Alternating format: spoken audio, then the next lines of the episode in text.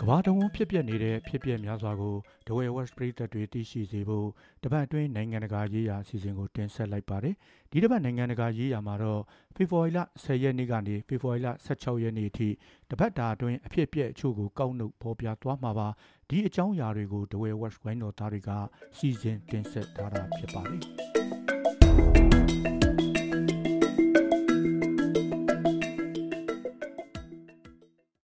ဖေဖော်ဝါရီလ15ရက်နေ့ကကျင်းပခဲ့တဲ့အင်ဒိုနီးရှားသမ္မတရွေးကောက်ပွဲမဲတွေရေတွက်နေစေမှာပဲအင်ဒိုနီးရှားကာကွယ်ရေးဝန်ကြီးဗိုလ်ချုပ်ကြီးဟောင်းပရာဘိုဝိုဆူဘီယန်တိုကရွေးကောက်ပွဲမှာသူအနိုင်ရပြီလို့ကြေညာခဲ့ပါတယ်။အသက်82နှစ်အရွယ်ရှိပြီဖြစ်တဲ့ဗိုလ်ချုပ်ကြီးဟောင်းကရွေးကောက်ပွဲမှာသူအနိုင်ရလိုက်တာဟာအင်ဒိုနီးရှားပြည်သူတွေရဲ့အောင်ပွဲလို့ဆိုခဲ့ပါတယ်။မဲရလက်ကိုတရားဝင်မထုတ်ပြန်ရသေးပေမဲ့ တီးခြားလွတ်လပ်တဲ့လူထုစစ်တမ်းတွေမှာမဲအားလုံးရဲ့60ရာခိုင်နှုန်းကိုပရာဘိုဆူဘီယန်တိုကရရှိထားတယ်လို့ဆိုပါတယ်။ဒါပေမဲ့လည်းဒီခံမှန်းချက်မှန်မှန်မှန်မဲအားလုံးရေးတွက်ပြီးတဲ့အချိန်ထိစောက်ဆိုင်ဖို့လိုပါတယ်။ရွေးကောက်ပွဲရလဒ်ကိုတော့လာမယ့်မတ်လ20ရက်နေ့မှာတရားဝင်ကြေညာမှာဖြစ်ပါတယ်။ ပါကစ္စတန်နိုင်ငံမှာရွေးကောက်ပွဲမဲရီတွဲမှုဖေဖော်ဝါရီလ17ရက်နေ့ကပြည်စည်းခဲ့ပြီးအကျဉ်းချခံနေရတဲ့ဝန်ကြီးချုပ်ဟောင်းအင်မရန်ခန်းရဲ့မဟာမိတ်တွေကလွတ်တော်ကိုယ်စားလှယ်နေရာအများအပြားအနိုင်ရရှိခဲ့ပါတယ်။ဒါပေမဲ့အစိုးရဖွဲ့နိုင်လောက်တဲ့အထိအများစုတော့မရခဲ့ပါဘူး။အောက်လွှတ်တော်ကိုယ်စားလှယ်266နေရာအတွက်ရှင်ပြိုင်ရမှာဝန်ကြီးချုပ်ဟောင်းရဲ့ PTI ပါတီကအဆိုပြုခဲ့တဲ့ကိုယ်စားလှယ်တွေက102နေရာအနိုင်ရခဲ့တာပါ။ ဒုတိယအများဆုံးအနိုင်ရခဲ့တာကတော့နောက်ထပ်ဝန်ကြီးချုပ်ဟောင်းတဦးဖြစ်တဲ့နာဝတ်ရှရစ်ဦးဆောင်တဲ့ PML N ပါတီဖြစ်ပြီး85နေရာအနိုင်ရရှိခဲ့ပါတယ်။နိုင်ငံခြားရေးဝန်ကြီးဟောင်းဘရာဝါဘူတိုဇာရာရီဦးဆောင်တဲ့ PPP ပါတီကတော့54နေရာနဲ့တတိယအများဆုံးအနိုင်ရရှိခဲ့ပါတယ်။ရလတ်ကိုရွေးကောက်ပွဲကျင်းပပြီး၃ရက်အကြာမှာကော်မရှင်ကမဲရလတ်ကိုထုတ်ပြန်ခဲ့တာဖြစ်ပါတယ် ဗြိတိန်နိုင်ငံရဲ့တာရီယာမြောက်ချားလ်စ်ဘရင်ဟာတနင်္ဂနွေဝတ်ပြုဆူတောင်းပွဲကိုတက်ရောက်ခဲ့ပြီးဖျားเจ้าကထွက်လာတဲ့အခါလက်ပြနှုတ်ဆက်ခဲ့ပါတယ်။ကင်ဆာကုသမှုယူလိုက်ပြီးတဲ့နောက်ဘရင်ချားလ်စ်နဲ့ကျင်ရတော်ကမ်မီလာတို့ဟာလန်ဒန်နဲ့မိုင်130ကွာအင်္ဂလန်အရှေ့ပိုင်းကဆန်ဒရင်ကန်စံအိမ်ကိုပြောင်းရွှေ့နေထိုင်ခဲ့ကြတာပါ။အဲဒီနောက်အနီးကစိတ်မေရီမက်ကလင်ဖျားเจ้าကိုတွားရောက်ခဲ့ကြတာဖြစ်ပါတယ် ပြီးခဲ့တဲ့အပတ်ကကင်ဆာရောဂါကိုဘာမင်ဂန်နန်းတော်ကထုတ်ပြန်ကြေညာခဲ့ပြီးတဲ့နောက်ပြည်သူတွေနောက်ဆုံးတွေ့မြင်ကြရကအခုဖျားเจ้าမှာပြည်သူတွေထပ်မံမြင်တွေ့ခွင့်ရရှိခဲ့ပါတယ်ထောင်ဒဏ်တစ်နှစ်ပြစ်ဒဏ်ချမှတ်ခံထားရတဲ့ထိုင်းဝန်ကြီးချုပ်ဟောင်းတက်ဆန်ရှင်နာဝတ်ဟာ6လအချုပ်ခံရပြီးဖေဖော်ဝါရီလ18ရက်နေ့မှာလွန်ငင်းချမ်းသာခွင့်နဲ့ပြန်လွတ်လာတော့မှာဖြစ်ပါတယ်။ ထိုင်းအကျဉ်းထောင်တွေထဲကအသက်အရွယ်ကြီးရသူဒါမှမဟုတ်ကျန်းမာရေးမကောင်းသူ930ကိုထောင်ဒဏ်လျှော့ပေါ့တဲ့အနေနဲ့လွန်ငင်းခွေပြုမှာပါဝန်ကြီးချုပ်ဟောင်းတက်ဆင်ဟာပြီးခဲ့တဲ့နှစ်ဩဂုတ်လမှာထိုင်းနိုင်ငံကိုပြန်လာပြီးအဖမ်းခံခဲ့ပါတယ်။ထောင်ဒဏ်၈နှစ်ပြစ်ဒဏ်ချမှတ်ခံခဲ့ရပေမဲ့လည်း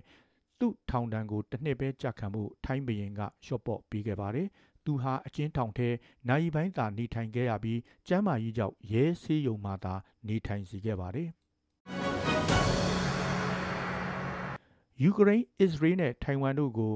ဒေါ်လာ95.3ဘီလီယံကူညီပေးမဲ့အဆိုပြုချက်မူကြမ်းကိုအမေရိကန်အထက်လွှတ်တော်မှာဖေဖော်ဝါရီလ23ရက်နေ့ကအတည်ပြုပေးလိုက်ပါတယ်။ထောက်ခံမဲ80မဲကက်ွက်မဲ29မဲနဲ့ဥပဒေကိုအတည်ပြုလိုက်တာပါ။အကူအညီပေးရေးဥပဒေမူကြမ်းထဲမှာယူကရိန်းအတွက်ဒေါ်လာ61ဘီလီယံအစ္စရေးအတွက်14ဘီလီယံနဲ့ထိုင်ဝမ်ကျွန်းအပါအဝင်အင်ဒိုပစိဖိတ်ဒေသနဲ့အခြားနေရာတွေကိုကူညီဖို့အတွက်9ဘီလီယံပါဝင်ပါတယ်။ ဒီမိုကရက်အများစုကယူကရိန်းနဲ့အစ္စရေးကိုကူညီပေးမဲ့အစီအစဉ်ကိုထောက်ခံကြပေမဲ့ Republican ပါတီထဲကကန့်ကွက်မှုများခဲ့ပါတယ်။အင်ရီယာနိုင်ငံမြို့တော်နယူးဒေလီကိုဥတီချီတက်လာတဲ့ဆန္ဒပြလက်သမားတွေကိုရဲတပ်ဖွဲ့ကဖေဖော်ဝါရီလ23ရက်နေ့ကမျက်ရည်ယူဘုံတွေအုံပြုပြီးလူစုခွဲဖမ်းဆီးထိန်းသိမ်းခဲ့ပါတယ်။ လဲထွန်ဆက်တွေထရက်ကားတွေနဲ့လိုက်ပါလာတဲ့ထောင်နဲ့ချီတဲ့လယ်သမားတွေဟာမြောက်ပိုင်းဟာရီယာနာပြည်နယ်အနီးမှာစန္ဒပြနေခဲ့တာပါဒီလယ်သမားတွေက2021ခုနှစ်ကတည်းကနယူးဒေလီစင်ချေဘုံဒေသတွေမှာတစ်နှစ်ကျော်ကြာစခန်းချပြီးဇက်တိုက်စန္ဒပြနေတဲ့သူတွေဖြစ်ပါတယ်သူတို့ကဝင်ငွေထိခိုက်နစ်နာစေတဲ့စိုက်ပျိုးရေးဥပဒေတွေကိုဖျက်သိမ်းပေးဖို့နဲ့အစိုးရအာမခံတီးနှံဈေးနှုန်းသတ်မှတ်ဖို့တောင်းဆိုနေကြတာပါ အစိုးရကလူစုလူဝေးခွင့်တားမြစ်ထားသလိုရဲတပ်ဖွဲ့ကမြို့တော်နယူးဒေလီဝင်ပေါက်တွေကိုကာယံပိတ်ဆို့ထားတဲ့ကြားကလယ်သမားတွေအခုလိုဆန္ဒပြနေတာဖြစ်ပါတယ်ထိုင်းနိုင်ငံဘန်ကောက်မြို့မှာလေးထုညဉ့်ညမ်းမှုအခြေအနေကယခုရက်ပိုင်းတည်းကျမ်းမာရေးထိခိုက်လောက်အောင်စိုးရိမ်ရတဲ့အဆင့်ထိရောက်နေပါတယ်။ဖုံမှုတ်တွေများတာကြောင့်မျက်လုံးတွေရားပြီးအသက်ရှူရတာခက်ခဲနေကြတာပါ။ ဘန်ကောက်မြို့ကောင်းကင်မှာမြူတွေလိုလေးထုညဉ့်ညမ်းတဲ့ဖုံတွေလွှမ်းနေပါတယ်။ဝန်ထမ်းတွေအိမ်ကနေအလုပ်လုပ်ကြဖို့လုပ်ငန်းရှင်တွေနဲ့အာဏာပိုင်တွေကတိုက်တွန်းထားပါသေးတယ်။ဘန်ကောက်မြို့ဟာကမ္ဘာလေထုညဉ့်ညမ်းမှုအဆိုးဆုံးနံပါတ်၈နေရာမှာရှိနေပြီးကမ္ဘာ့ကျန်းမာရေးအဖွဲ့ WHO ကသတ်မှတ်ထားတဲ့မြို့တစ်ခုမှာရှိရမယ့်လေတဲ့ဖုံမှုပါဝင်မှုထက်15ဆပိုများနေတယ်လို့ဆိုပါတယ်။ ဂါဇာတောင်ပိုင်းကအဓိကဆေးရုံတစ်ခုတည်းကိုဖေဖော်ဝါရီလ15ရက်နေ့ကဝင်ရောက်စီးနင်းခဲ့တယ်လို့အစ္စရေးစစ်တပ်ကပြောကြားခဲ့ပါတယ်။ပြစ်ခတ်မှုကြောင့်တေဆုံးသူများရှိသလိုအတော်များများဒဏ်ရာရရှိခဲ့ကြပါတယ်။ခမ်ယွန်နစ်မြို့ကနက်ဆာဆေးရုံကိုစစ်စင်ရေးလုပ်ခဲ့တာဖြစ်ပါတယ်။ဆေးရုံထဲမှာဟာမတ်စ်အဖွဲ့ကဒဇကန်တချို့ဖမ်းဆီးထားတယ်ဆိုတဲ့ခိုင်လုံတဲ့ထောက်လှမ်းရေးသတင်းတွေရထားတယ်လို့အစ္စရေးဘက်ကဆိုထားပါတယ်။ စစ်စင်ရေးမစခင်ဒေသခံတွေဘေးလွတ်ရာရွှေ့ပြောင်းဖို့ညွှန်ကြားထားပြီးရွှေ့ပြောင်းနိုင်အောင်လဲကယ်ဆယ်ရေးလမ်းကြောင်းဖွင့်ထားတယ်လို့အစ္စရေးဘက်ကပြောပါတယ်။ဆေးရုံထဲမှာဆက်နေဖို့မလုံခြုံတော့ဘူးဆိုတာကိုဆေးဝန်ထမ်းတွေကတတိပေးထားပေမဲ့အစ္စရေးတပ်ဖွဲ့တွေရဲ့ချောင်းမြောင်းပစ်ခတ်လို့လူတွေဘေးလွတ်ရာထွက်ခွာလို့မရဘူးလို့ပါလက်စတိုင်းဘက်ကဆိုထားပါတယ်ပါရီမြို့ကိုယူကရိန်းသမ္မတဗိုလိုဒီမာဇယ်လန်စကီရောက်နေချိန်မှာပဲပြင်သစ်နဲ့ယူကရိန်းနှစ်နိုင်ငံကြား လုံခြုံရေးဆိုင်ရာသဘောတူညီချက်ကိုချုပ်ဆိုမယ်လို့ကြေညာခဲ့ပါတယ်သဘောတူညီချက်အသေးစိတ်ကိုတော့ထုတ်မပြောသေးပါဘူးယူကရိန်းသမ္မတခရီးစဉ်အတွင်းမှာပြင်သစ်အနေနဲ့ယူကရိန်းနိုင်ငံနဲ့ပြည်သူတွေကိုရေရှည်ထောက်ခံပတ်ဖို့မှုဆက်လက်ပေးအပ်သွားမယ်လို့သမ္မတမက်ခရွန်ကကတိပေးခဲ့ပါတယ်အဲဒီနောက်ယူကရိန်းသမ္မတကဂျာမနီကိုဆက်လက်ထွက်ခွာမှာဖြစ်ပြီးဂျာမနီဝန်ကြီးချုပ်နဲ့တွေ့ဆုံမှာဖြစ်ပါတယ်သမ္မတဇလန်စကီဟာ